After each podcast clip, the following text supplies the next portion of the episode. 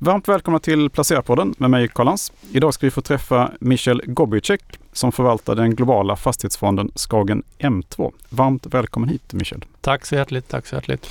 Du har förvaltat fonden sedan starten 2012 och ni har eh, ungefär 1,4 miljarder i förvaltat kapital. Eh, men lite kort om vad är din bakgrund? Min bakgrund är att jag har jobbat på Skagen sedan 2005. Jag byggde upp den institutionella förvaltningen. Jag kom från ma sidan alltså corporate, äh, corporate Finance. Jobbade en del med analys redan när jag började på Skagen, men då var det bara tre förvaltare på tre fonder. Så jag hjälpte till lite med analys på det benet också eh, samtidigt som jag jobbade med det andra då. Sen startade Skagen M2 i eh, ja, lite drygt, snart 11, 11 år sedan faktiskt, tiden går. Och då var jag en av eh, medgrundarna till, eh, till Skagen M2. Jag tog över den 2013, eh, slutet, eh, början av 2014 och har lett fonden sedan dess. Så det, det är väl vad man kan säga om, om resan i Skagen så att säga. Min bakgrund är att jag är ekonom. Jag har ju ett konstigt namn så jag är halvösterrikare och halvsmålänning så jag hoppas att alla förstår vad jag säger. Hur, har, fonden, har, har någonting förändrats sedan 2012 tycker du? Eller hur, vad, vad liksom har hänt under den här perioden? Eh, absolut stora förändringar, dragit ner risken. Det här är inte att max, det handlar inte om att maximera avkastningen till varje pris, eh, vilket kanske var mycket så initialt att det var, handlar om att maximera avkastningen. Det är mycket mera eh, förutsägbar produkt eh, där vi ska ha en god riskjusterad avkastning med väl diversifierad segmentsmässig balans, alltså undersegment inom fastighetssektorn. Men också eh, valuta, eh, och eh, sprida riskerna geografiskt såklart. Men jag håller nästan geografisk riskspridning lika viktig som eh, segment eller tvärtom segmenten är lika viktig som geografin faktiskt. Eh, för det är sån olika dynamik i, i fastighetssegmenten. Så lägre risk, mer eh, eftertänksam eh, riskspridning och en bättre balans. Man kan till exempel, bara för att exemplifiera det här då, om vi tittar på 2021 så var det ju ett rekordår för eh, framförallt för amerikanska fastighets, eh, noterade fastighetssektorn som har aldrig haft en så bra avkastning. Samma sak såg vi nästan i Skandinavien med otroligt fin avkastning 21. Det var ju boomåret, sen kom baståret 2022, allting gick rakt ner i dass. Eh, och så har man börjat återhämta sig nu då, då. Men under den här tiden så har min fond då med sin diversifiering haft en ganska god utveckling. Vi har inte fått den svenska inflationen men nästan faktiskt avkastning under de här två åren. Medan eh, om man hade investerat i skandinaviska benchmark eller jämförelseindex så hade man fortfarande legat på minus trots det här goda året 2021 och trots att vi nu har sett en, en eh, fin uppgång här sista månaden eller så. Så det är det det handlar om. En långsiktig god avkastning och en god trend över tiden. Det är väl det man kan säga om, om fonden så att säga. Om man ser på den uh, globala fastighetsmarknaden då, hur, um, hur ser den ut? Just nu är jag ganska glad alltså. Uh, vi har ju passerat november här som var faktiskt det fjärde bästa den fjärde bästa månaden sedan finanskrisen inom globala fastighetsmarknaden. Sedan 2009 alltså? Ja, precis. Så det, och det har ju då naturligtvis varit påeldat av en lägre, lägre marknadsränta, långränta till exempel då tioåringen i USA som eh, faktiskt pikade eh, den 23 oktober, för då var jag med i en annan podd nämligen, kommer jag ihåg, på 5% och sen dess har den ju nästan kommit ner 80 eh, punkter. Eh, och det är någonting som förväntas fortsätta och det här är naturligtvis drivet då av eh, inflationen som har i princip gått ner lika snabbt som den gick upp för något år sedan. Och det här förväntas fortsätta. Så det är inte bara Sverige som har haft sina upp och nedgångar, eh, men eh, globalt så har egentligen, sett till USA till exempel, eh, nedgången har varit ganska modest i jämförelse med den skandinaviska fastighetsmarknaden. Asien var ju vinnaren 2022, klarade sig väldigt bra. I år är Asien faktiskt förloraren. Europa har kommit igen här nu under senaste året här 2023. Eh, vilket då eh, naturligtvis, det var ett problem eh, februari 2022 när kriget bröt ut för då skulle ju då Europa också få samma fina öppning som vi hade sett i USA efter covid. Det är många som har glömt bort covid och pandemin redan. Men vi såg ju en enormt stark fastighetsmarknad då när, när öppningen kom i USA. Medan nu, eller 2022, då skulle Europa ha i princip samma, samma bild. så kom kriget och så att säga la sordin på hela den europeiska fastighetsmarknaden. Till det ska sägas också att europeiska fastighetsmarknaden i förhållande till till exempel den amerikanska är mångt mycket högre belånad och Sverige då drar ju upp det europeiska snittet som ett, ett väldigt högt belånad marknad sett i globalt perspektiv. Och det kanske vi kan återkomma till just med skuldsättningen sen. Men globala fastighetsmarknaden är väldigt intressant. Vi har flera segment som inte går att hitta i Sverige eller Skandinavien eller för den delen Europa. Vad är det för segment då? Tittar vi på den amerikanska fastighetsmarknaden då, jag refererar mycket till den för den absolut största. Vi har mest statistik därifrån. Eh, och, och, den är, led egentligen vägen. Eh, men nu, även om Asien nu faktiskt har börjat också att ta ikapp lite grann i termer av undersegment och så vidare. Men segment som man till exempel inte hittar i Sverige på den noterade marknaden är datacenter.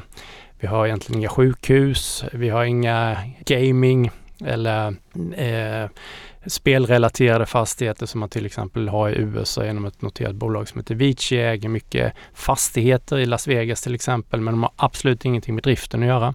Utan det är vad man kallar triple net lease eh, där man äger fastigheten och, och i princip ingenting som sker där inne, inte ens försäkring eller någonting annat. Mm. Och så, så är det Equinix är väl data? Equinix är data, mm. datacenterbolag, globalt sådant, eh, som även finns i Sverige men det går ju, ja. Så, så verksamheterna kan finnas men du har inte, hittar inte det på den noterade marknaden så att säga. Och det finns eh, allt från manufactured homes eh, som vi har stort segment i USA där du till exempel i ett av de bolagen hittar marin, alltså hamnar som är faktiskt ganska god avkastande eh, tillgångslag som inte egentligen eh, görs. Då har ju den en, en säga, begränsat utbud på, på den delen. En liten marginell, men jag bara exemplifierar lite vad du kan kom, få tag i så att säga. Begravningsplatser finns också, till exempel parklån. I USA kan du köpa eh, fängelser. Mm. Det är väl ingenting jag tänker investera i för det är det kanske någon som skulle ha någon åsikt om eh, etiken Etiskt. i det såklart. Men, men uh, du kan komma åt det uh, om mm. du vill. Så det, det, är en jätte, jättestor uh, marknad. Jag, jag, vet att jag skrev om, för något år sedan skrev jag om trailer park aktier. Och det kanske skulle vara, det är också ett segment. Som... Det har du Manufactured Homes, ja, den del av re, re, eh, man kallar Recreational Vehicles, RV-segmentet. Sen har du mm. MV eller MH, det är Manufactured Housing då att du Bolaget som jag investerar i till exempel, de äger landet men du kan hyra eller köpa den här då lite mindre bostaden och det är naturligtvis drivet av att du kan få så mycket mer för pengarna än om du köper en lägenhet eller ett hus eh, om du är låginkomsttagare till exempel. Och, och framförallt var det mycket, jag tror att mycket pensionärer valde att sälja sitt hus eh, och bo där för att få loss pengar då till sin eh, ålderdom så att säga. Precis och sen mm. är det communities eh, och du kan ha golfbanor, du kan ha bad, du kan ha allt möjligt där så det blir lite som en semesteranläggning på, på sätt och vis då. Sen rynkar vissa på näsan att det är liksom trailer parks men så att säga, det är billigt sätt att, att bo och enkelt sätt att få tag i boende också i bristmarknader. Mm. Och det fanns ändå väldigt många liksom, olika kategorier tror jag av lyx och sådär man kunde välja ja, i det här. Ju, så det, absolut. Och det, det är då ett, ett, bra exempel på, på högt avkastande fastighetsslag som, som du inte hittar på den här marknaden. Och det är det jag tycker är så fantastiskt spännande. Och det är eh, mångfacetterat. Om vi tar ett bolag som du säkert har talat om, Prologis, världens största logistikbolag, finns globalt i hela världen. De har hållit på att bygga sitt företag över 30 år. De har 5% av den eh, noterade marknaden i USA på över 30 år. Eh, och det är ett gigantiskt bolag. Jag tror de har 130 miljarder dollar i market cap 2,8 procent av eh, global BNP ja. går genom deras lokaler yes. Precis, mm. du är påläst. Ja, absolut. Jag, Nej, det, det, är mm. så, det är så otroligt fascinerande tal eh, egentligen. Eh, och, och 2,8 procent. Amazon är största kunden också. Ja. Nej men de är ju jätteintressanta. Eh, jag, jag brukar själv eh, lite grann jämföra dem med ett, ett eh, globalt Catena då, om man kan säga mm. så. Mm.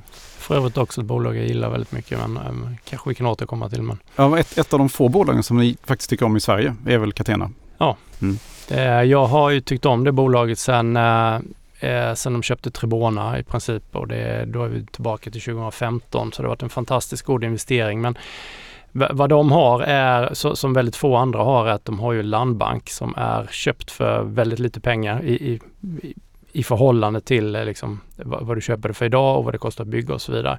Så landbanken är billig och de har mycket landbank, 4,7 miljoner kvadratmeter eh, be, alltså mark de kan bygga på och jag tror ungefär en miljon av dem är väl byggbara redan nu. Eh, och det är, in, det är viktigt nu när vi har höga räntor för det ger ju så högre yield de kostar, alltså en högre avkastning på det de bygger. De bygger ungefär på 7% avkastning och det köper du inga logistikanläggningar för idag, särskilt inte de här fina i, i bra locations eh, utan eh, då får du punga upp mycket mer pengar. Så de kan i lugn och ro fortsätta utveckla sina logistikanläggningar när de har kunder och de har väldigt fin och stor kundbas i Sverige och Danmark. Så de är helt ledande i Skandinavien. Sen har de någonting annat också som kanske inte alla har just idag och det är en, en väldigt eh, stark balansräkning. De var ju först ut att ta in pengar och det är e, ett styrketecken idag så de kan vara offensiva och inte bara ta in pengar defensivt som vi ser många göra nu bara för att klara att betala av sina lån i princip eller, eller amorteringar. Eh, det här kan de vara offensiva. Nu ska jag väl inte säga att det är blod på gatorna så sett inom logistikbranschen så att alla, det är fire sales här och där. Eh, faktiskt inte. Och det är väl ett styrketecken också på, på efterfrågan. Men eh, det kan mycket väl vara så att det kommer ut eh, eh ja, billigare fastigheter framöver, kanske några som inte klarar att hantera sina lån.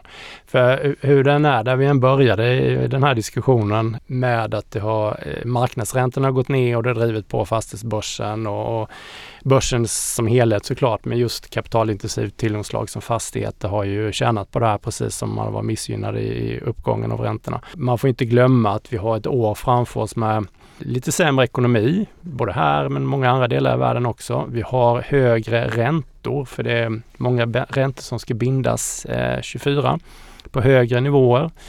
Eh, det kommer inte vara så att räntorna går ner eh, i trollslag tillbaka till där vi började ränteuppgången utan det kommer gå sakta men säkert. Så många fastighetsbolag kommer faktiskt binda sina räntor på högre nivåer.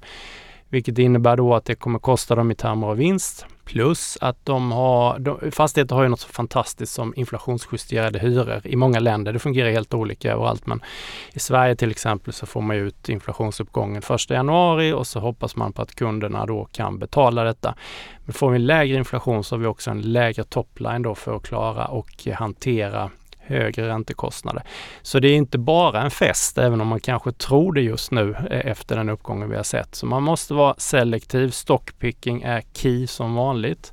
Kanske mer nu än, än vad det har varit kanske senaste året skulle jag vilja säga. Om man bortser kanske från vissa balansräkningsrisker då. Men Förmodligen har vi något eh, lägstanivån och, och nu det, är på väg uppåt i alla fall. Det, det är helt övertygad om. Det, det, är helt övertygad om. Så att den långsiktiga trenden är eh, positiv, väldigt positiv. Vi ska ta oss ur den här eh, höga räntan. Jag tror inte det kommer bli några högre eller högre, alltså nya räntehöjningar. Däremot så kan de ju välja att vänta med att sänka den. Och marknaden har lite tävlat nu senaste veckorna eh, och skjutit dragit tillbaka då de här räntesänkningarna så jag tror marknaden, är, USA är väl på mars nu någonstans medan Sverige är väl i juni, juli där eh, och ECB. Eh, men eh, det där kan mycket väl skjutas på tiden och det kan lägga lite sordin.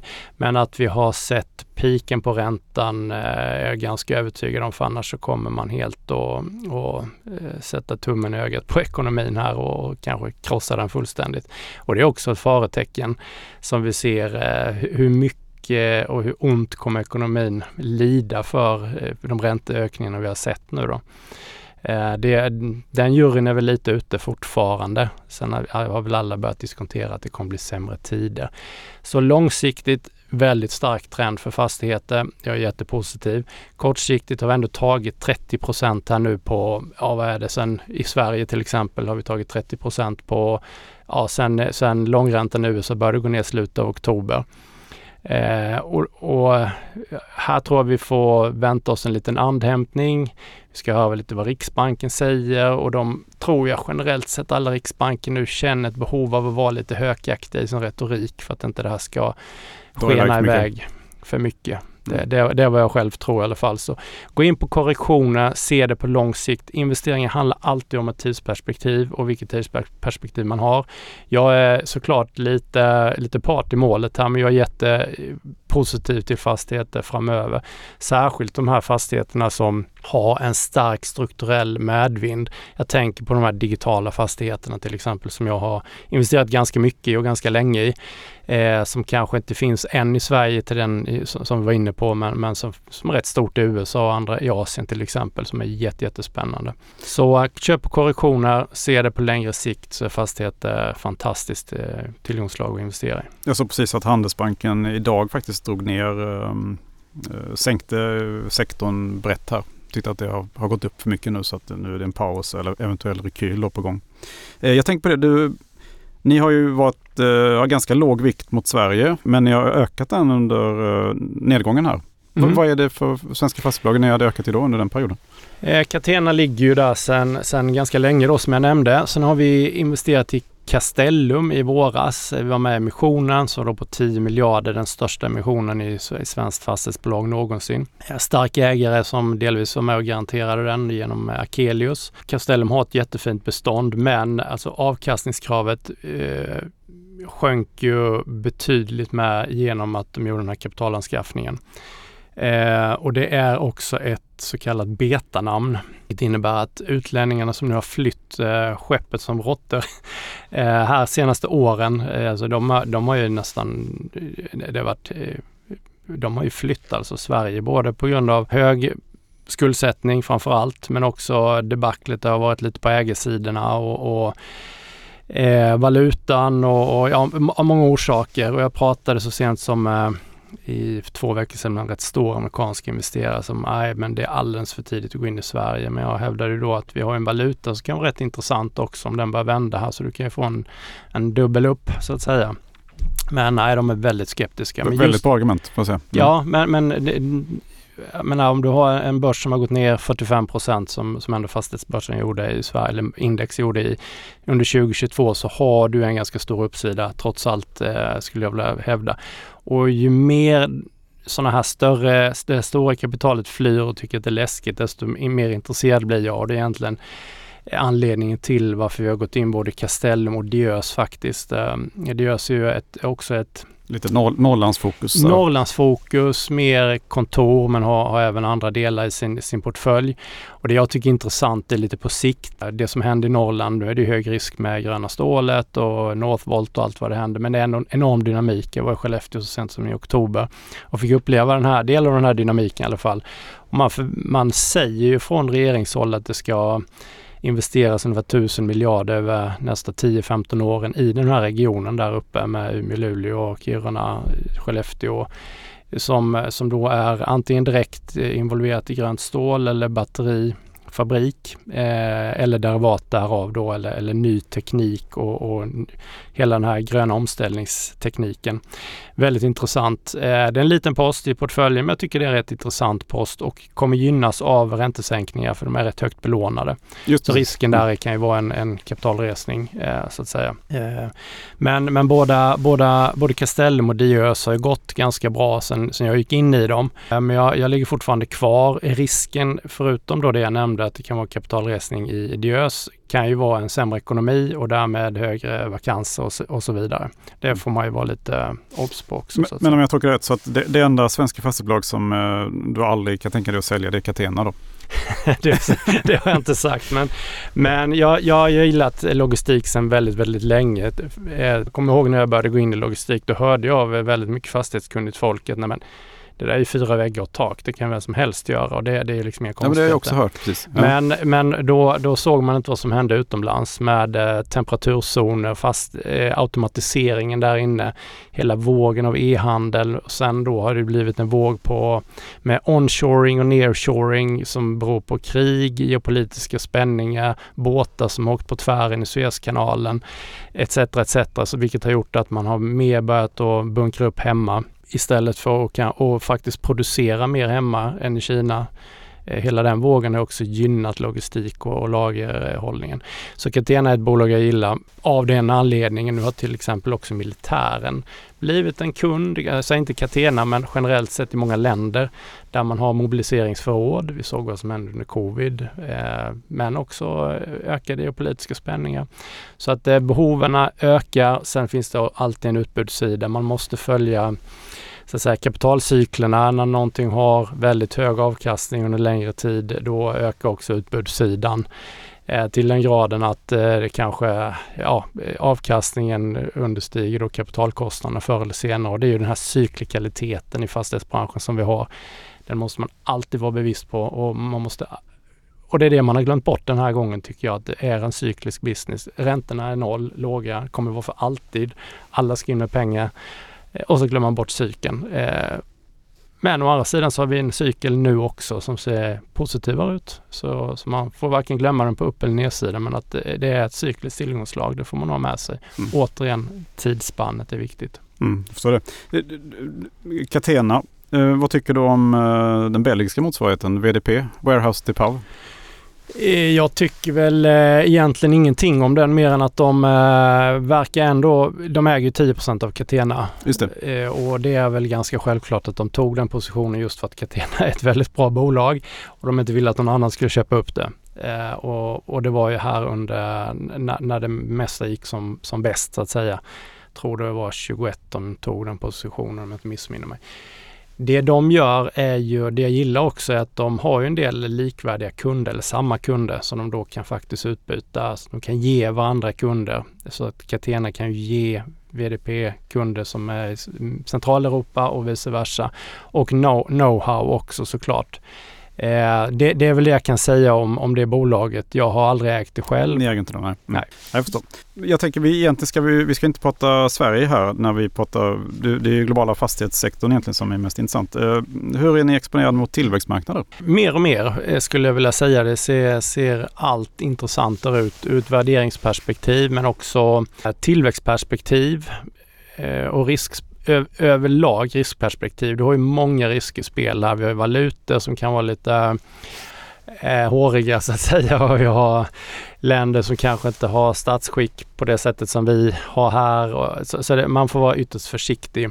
Så ofta de bolagen jag går in i har en eh, stark balansräkning eller en väldigt stark underliggande trend. Till exempel äger jag ett logistikbolag i Brasilien. Stark trend, eh, väldigt eh, okonsoliderad eller fragmenterad marknad.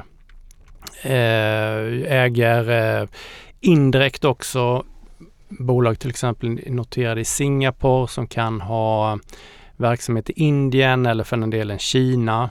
Men du har då en börs som är mer transparent och övervak eller reglerad än kanske i, i, andra länder. Men så har de då sina tillgångar i de här kanske lite mer exotiska länderna. En av mina absolut senaste innehav är faktiskt i Vietnam. Okej, okay, intressant. Ja, det, det tycker mm. jag också. Det, det, jag var där och besökte landet innan pandemin och konstaterade då att man låg 15-20 år bakom Kina i utveckling. Det är ju som sagt ganska mycket folk även i Vietnam och de håller på på den här utvecklingskurvan. Då har man slitit just eh, fastighetsmässigt, eller ja, alla har slitit på grund av en hög eh, ränta, så de började höja räntan tidigare där borta, som faktiskt är på väg ner nu då. Svårt att få tag i kapital, du har en, eh, en ganska reglerad marknad generellt sett men som öppnar sig sakta men säkert. Och då har vi hittat ett bolag som heter Winhomes som ägs till större delen av en, ett konglomerat som heter Wingroup. Men Winhomes ägs också av Singapores eh, Sovereign Wealth Fund och om andra stora ägare. Det som är intressant här är att det är ett långsiktigt eh, så att säga, spel på eh, Vietnams eh, eh, ekonomiska utveckling, på att folk ska få någonstans att bo eh, och eh, man har idag eh, 178 miljoner kvadratmeter land och det är ganska mycket land eh, i det här bolaget som landbank som kommer räcka nästa 30 åren. Man håller inte bara på med utveckling av bostäder, man håller också på med industriparker och, och till viss del kontor också. Eh, det tycker jag är spännande och det noterades 2018 och det är på det har aldrig varit så här lågt värderat. Ja, precis. Mm. Det har aldrig varit så här lågt värderat sedan, sedan noteringen. Så och, äh, en ev ebitda på 5,4 det är inte avskräckande om man, om man letar. Men, men du ska ha en viss riskpremie såklart med tanke på det jag sa då. Mm. För har du ju dong, eh, du har inte dollar. Nej, och, nej. Eh, det, är en lite speciell procedur att investera också i Vietnam som utländsk eh, företag. Men jag, jag tycker det, jag det tyckte det verkar väldigt komplicerat eh, om man jämför med Ja, det, andra det är det. Mm. det, är det. Men, men, just en sån här position, det kommer inte bli någon 5 eller 10 procent i portföljen. Det får vara kanske en 1-2 procent och, och växa mm. med tiden. För jag är ganska övertygad om att Vietnam kommer att ha en, en helt annan framtid inom 5-10 år än vad man har idag. Och just nu står lite stjärnorna rätt också med, med ränta och tillväxt mm. eh, och så vidare. Så att eh, det är spännande. Men eh, som sagt, även investerade i Brasilien, investerade i Indien indirekt, eh, till viss del Kina eh, och lite andra, andra asiatiska marknader via ett bolag som är noterat i Hongkong. Så jag gillar tillväxtmarknader men det får inte bli för mycket men, men där finns eh, ganska goda möjligheter just nu. Mm.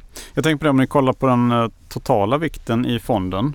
Så Eh, USA står för ungefär 37 procent. Det är betydligt lägre än, eh, än världsmarknadsindex då, där det står för drygt 60 procent. Hur kommer det sig? Ja, det, det kommer sig egentligen, eh, om man bara ska dra tillbaka historienålen lite, så 2021 var ju då som, som jag sa tidigare det absolut eh, bästa året någonsin för amerikanska fastighetsaktier. Man hade en eh, multipel som heter FFO, det Funds from Operations, egentligen ett kassaflödesmått på, på eh, benchmark eller index på 25-26 gånger. Och det var ju då ett, ett snitt, vilket var enormt högt. Eh, vi drog ner e-, exponeringen från USA. Då skulle Europa öppna, sen kom ju kriget, eh, alltså öppna från covid, sen kom ju kriget. Och eh, USA är fortfarande en ganska stark ekonomi. Så bolagen fortsatte ju att gå ganska okej okay ändå eh, jämfört med hur de gick i Europa och Skandinavien och så vidare. Så vi ökade upp eh, och, och, i början så sa man att kriget skulle eskalera. Eh, för de som minns det, att det skulle sprida sig mer i Europa. Vi valde att ta ut en del i Europa och ökade upp i, eh, i USA. Så då hamnade vi på 37 vilket är en, en eh, i förhållande till benchmark så är det lågt men för oss är det ju högre än vad vi haft på flera år så att säga. Vi har också en valuta, även om vi inte spekulerar i den så eh, är 60% ganska mycket att ligga i en, en valuta även om det är dollar så att säga. Nu åkte vi på lite däng här på dollarn 21 och 22 men har väl tagit, eh, vunnit tillbaka lite mark nu med, i och med att dollarn har försvagats. Så för oss som är aktiva investerare så spelar det egentligen ingen roll om vi har 20% i USA eller om vi har 80% 80 kanske lite mycket om det ska vara en diversifierad portfölj men, men, men vi tittar ju på bolagsnivå framför allt. Eh, och nu har vi då hittat ganska många intressanta bolag i, i USA. Eh, framförallt då inom det man definierar som digitala fastigheter. Eh, så, så för oss är det egentligen inte låg vikt. Eh, det är ju det om man är indexkramare men det är ju inte det som vi är. Så att jag tycker att det är en ganska god balans nu för en global portfölj. Mm. Jag ser att eh, om man kollar på, på enskilda aktieinnehav så är ju self, norska Self Storage Group eh, det största, störst vikt i portföljen. Vad är det, det för ett bolag? Det ska jag berätta för dig med, med stor glädje. Det är faktiskt inte ett innehav längre i portföljen. Det är inte ett innehav? Nej. Nej. Vi, eh, jag ska berätta storyn mm. eh, lite kort. Vi köpte det 2017 eh, och då noterades det i, på Oslobörsen. Det är då self-storage eller självlagring. Också en sån här del som vi har varit ganska högt viktade i. Vi är till exempel stora i Shoreguard som de flesta känner till. Eh, men även, även andra self-storage-bolag. Norske Self Storage Group hade ett fint kassaflöde. Man var under kraftig tillväxt eller för att vara ett sånt litet bolag. Private Equity-bolag kom in för några år sedan, och köpte upp det här. Stort Private Equity-bolag från USA som är duktiga inom eh, self-storage, håller på mycket med det globalt. Och vi har sett lite transaktioner på den här marknaden för att det är faktiskt en ganska fragmenterad marknad i Sverige, Europa. Vi har inte alls samma eh, beteende på, på självlagring som man har till exempel i UK eller för den delen USA som är världsmästare på det här. Men det växer och det blir större och det gör det ju i takt med att vi har större behov för att eh, få bort våra prylar hemifrån eller från lägenheten. För mycket grejer hemma, precis. Ja. Mm. Så det kom det ett bud på self-storage, 70% premie. Det var vår största position Eh, och vi har väntat på det här ganska länge så det har, den här har då sedan 2017 gett ungefär 18 årlig avkastning för våra andelsägare. Så det är ett fantastiskt bra innehav. Och de flesta tycker det här är dötråkigt med självlagring. Eh, men jag tycker det är fantastiskt spännande för du har en ganska låg eh, break-even. Shurgard till exempel när de öppnar en ny anläggning så har de en break-even på runt 35 och sen är det bara rent kassaflöde som kommer. Sen tar det något år innan den här byggnaden mognar och att folk vet att de har en sån närheten. Så det, det är ett underbart segment som inte är så ekonomiskt beroende utan det är mer beroende på när folk skiljer sig, dör, flyttar för studier, eh, ändrar sitt, sitt boende upp eller ner. Eh, etc. Så att det, det, har faktiskt varit den, den bästa, bästa sektorn i amerikansk fastighetshistoria nästan.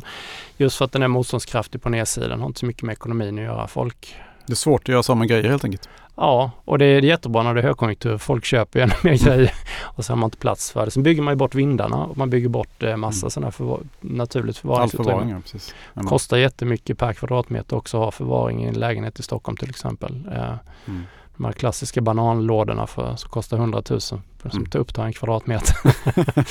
så folk tänker, och det är väldigt enkelt också att stoppa in dem där men det är väldigt svårt att få ut sakerna ur självlagringen. Prata med Shurgard, det är jättemycket IKEA-möbler. Inget ont om IKEA men är, du har betalat de här möblerna ganska många gånger innan du plockar ut dem igen. Mm. Den här mm. gamla IKEA-sängen till exempel. Mm. Så det, människan är inte så logisk helt enkelt. Ja, eller lat kan man också eller säga. Lat, så nej men det, det, är ju den analoga delen. Sen investerar jag mycket i då digitala fastigheter som är en helt annan sak. Det är vi inte så vana vid här i Sverige att kalla någonting för digitala fastigheter. Och vad är det egentligen? Jo, det är ju då infrastrukturen bakom den här digitala utvecklingen. Eh, towers, eh, mobilmaster, inte så många som känner till till exempel. Mm. Eh, Men det är en REIT va? Ja, eh, man kan säga att 98% av fastigheter, jag skulle säga 98% av alla fastigheter i USA är REIT och det är ju då en, en skatte, ett skattesystem. De måste dela ut 90% av vinsten va? Ja, i mm. princip. Mm. Så du delar ut eh, överskottet till investerarna som i sin tur då blir skattesubjekten. Så att du har också en skattefördel av att vara REIT men du får då förbinda dig till att dela ut mycket, vilket är dåligt om du är ett kraftigt växande bolag för då måste du gå till marknaden eller till banken och, och låna pengar eller ta in pengar. Eh, du får inte heller ha för hög skuldsättning, vilket också förklarar till exempel Eh, bara om vi ska ta det som en passus, varför amerikanska fastighetsmarknaden, om vi tittar på nettoskulden i förhållande till ebitda är fem gånger i USA medan den är 12 gånger i Sverige.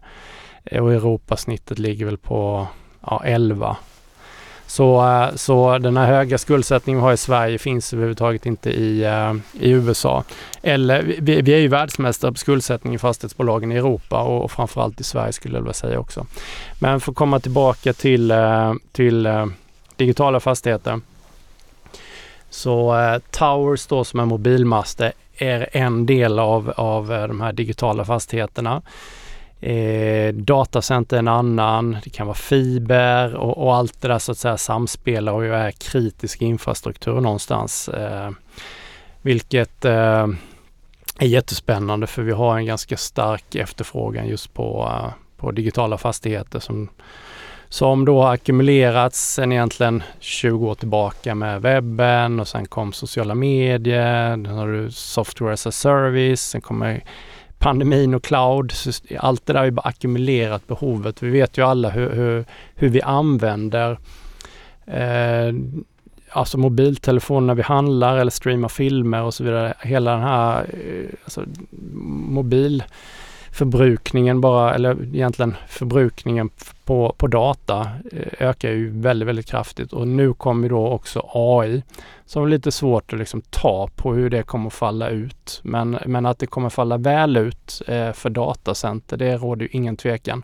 om. För det första ska du då ha ditt bibliotek i datacentren, alltså ha själva liksom Eh, informationen men sen ska den också processas vilket då är enormt både energi och platskrävande. Som det finns ju idag eh, undersökningar som säger, eller de, de, de som är duktiga på det här, för 80% av kapaciteten i datacentren kommer gå till AI eh, 2040 och det är inte så jättelångt bort.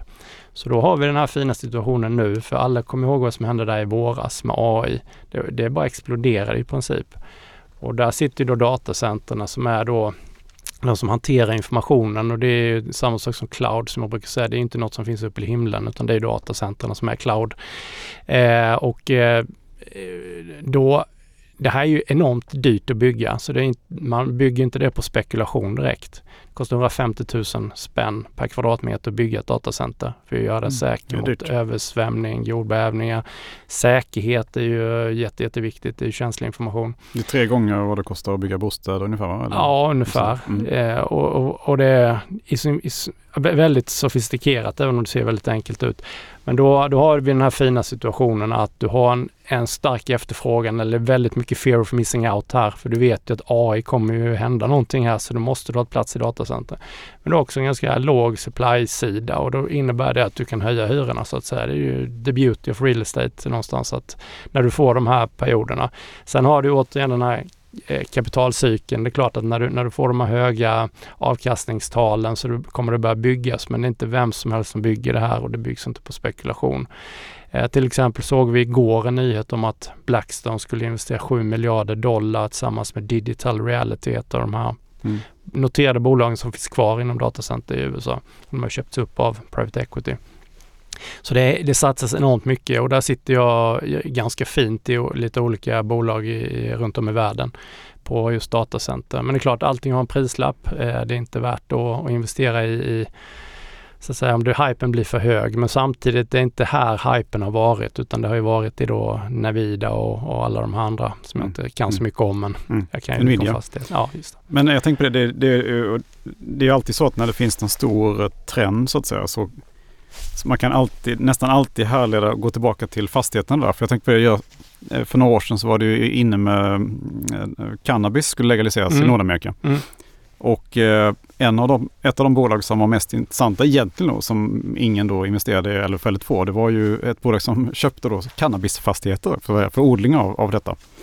Eh, så det finns ju alltid, det är en väldigt liten nisch men Absolut. det finns ju alltid liksom något eh, härledning tillbaka till fastigheter mm. tänker jag. Eh, jag tänkte på det, du, ehm, den mest ägda utländska fastighetsaktien eh, hos Avanza i alla fall är ju Realty Income REIT i USA. Det är inget som, eh, som ni tycker är intressant. Det är lite för mycket, det är bostadsfastigheter då i USA va? De, som de köper? Ja men vi, vi har det också men vi äger ett annat bolag som heter Independence Reality Trust, Independence Reality Trust, IRT.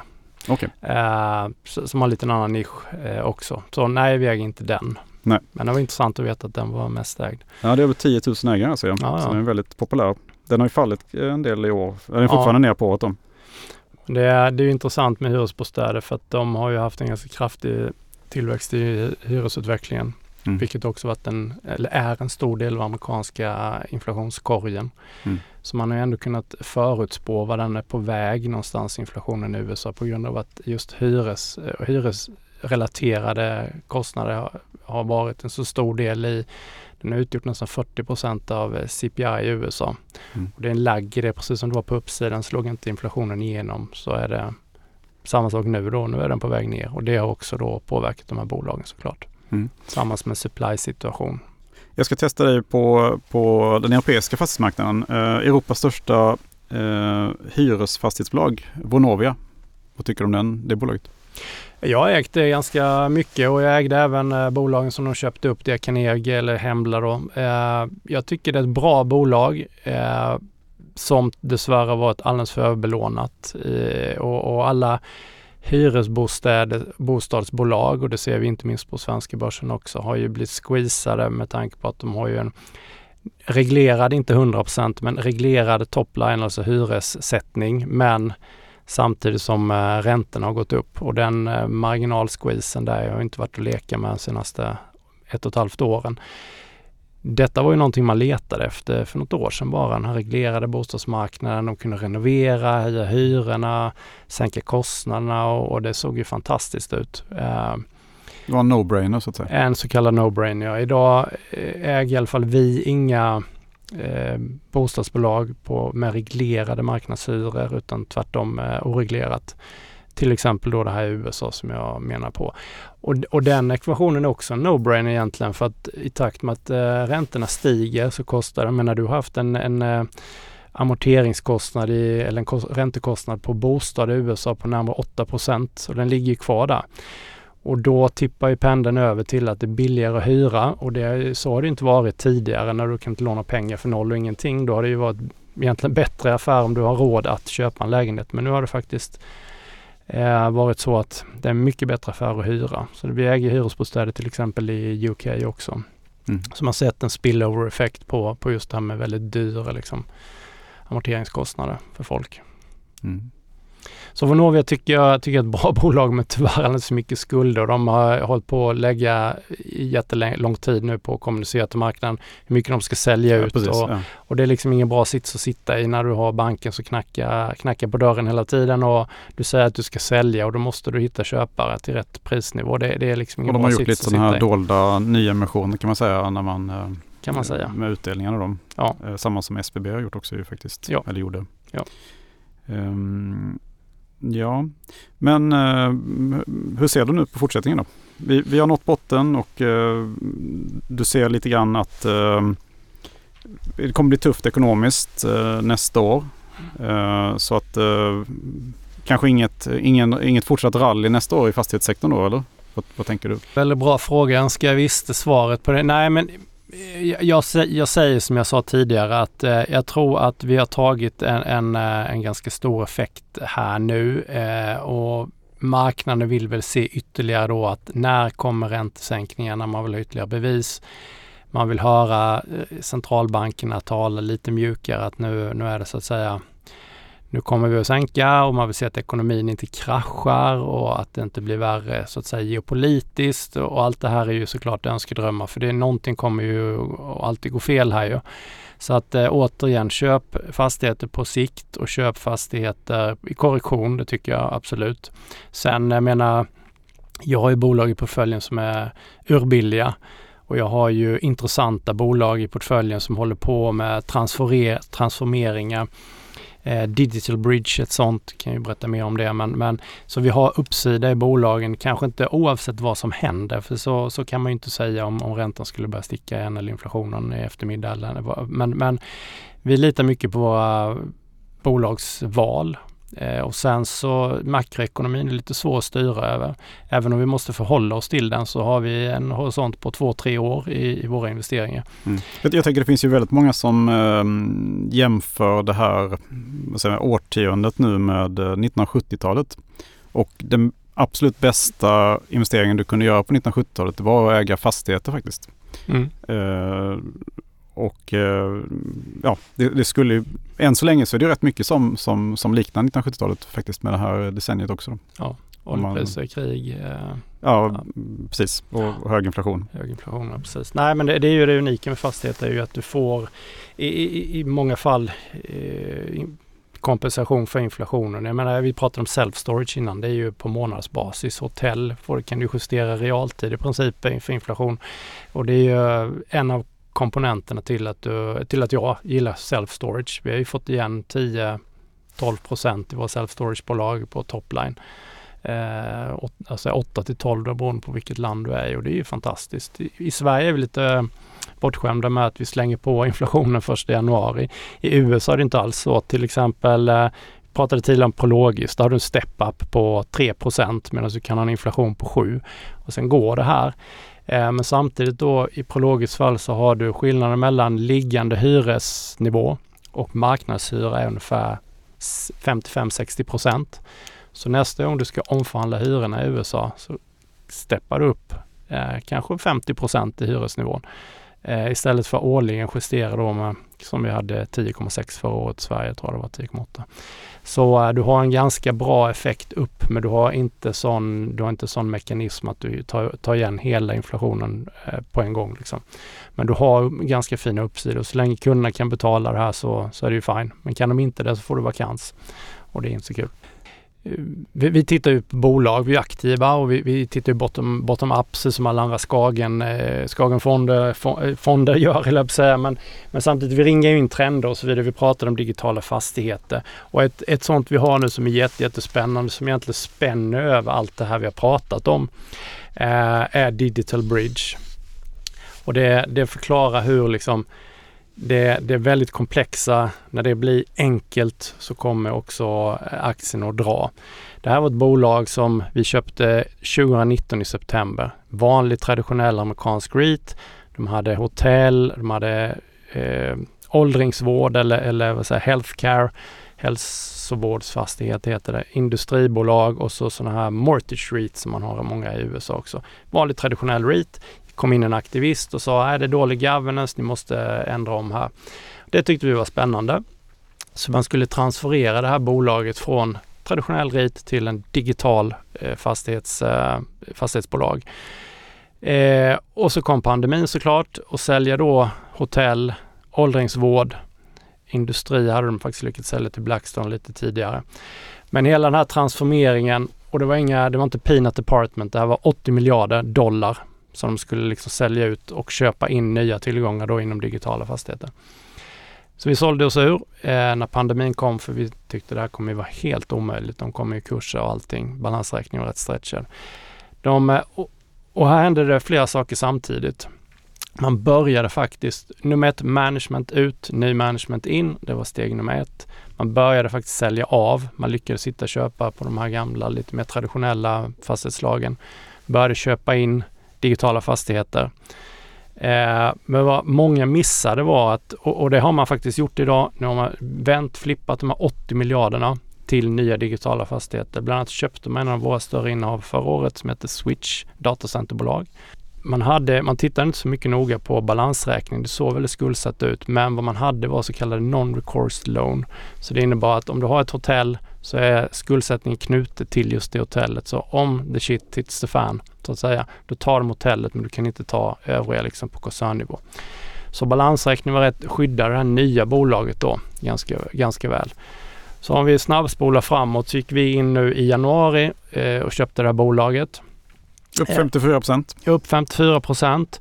För vi har gjort vår hemläxa, vi har tittat ner eh, i, i, liksom, i, i skålen och eh, nu går man då från att vara egentligen ett... Vad man gör är att man sätter upp fonder.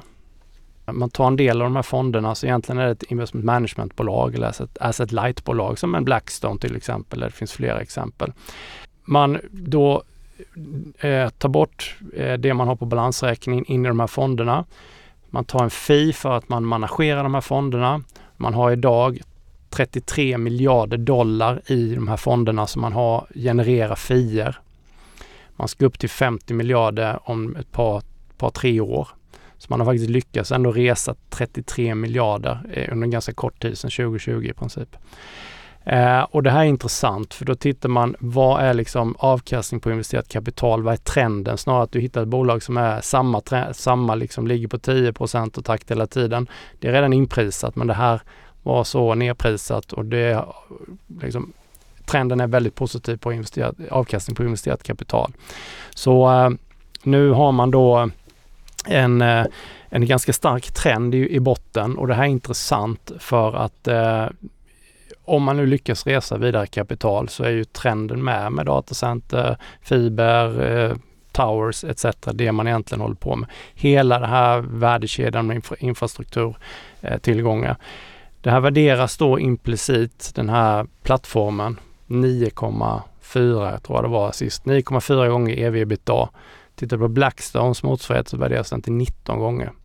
Så det är en stor värderingsskillnad och den dagen folk börjar förstå att eh, skuldsättningen är inte vad den ser ut att vara i bolaget och vi är redan där nästan. Mm. Då kommer det bli ännu mer uppsida. När, när, de, när de lyssnar på den här podden liksom? Ja, men det, det här är ett fantastiskt spännande bolag. Hela transformeringen, det är sånt vi älskar när du har flera transformationer samtidigt. Och det blir lite komplext för då, då folk är lata. Eh, mm. Du måste in och grotta mm, lite i det här för att förstå det. Så det är en rätt stor position för oss nu. Är, är det det största innehavet nu då? Nej, men det är topp fem. Okay. Så inte utan risk som ingenting men, men vi känner ju till en del av tillgångarna de har köpt och bland annat Switch som var eh, jättefint datacenter.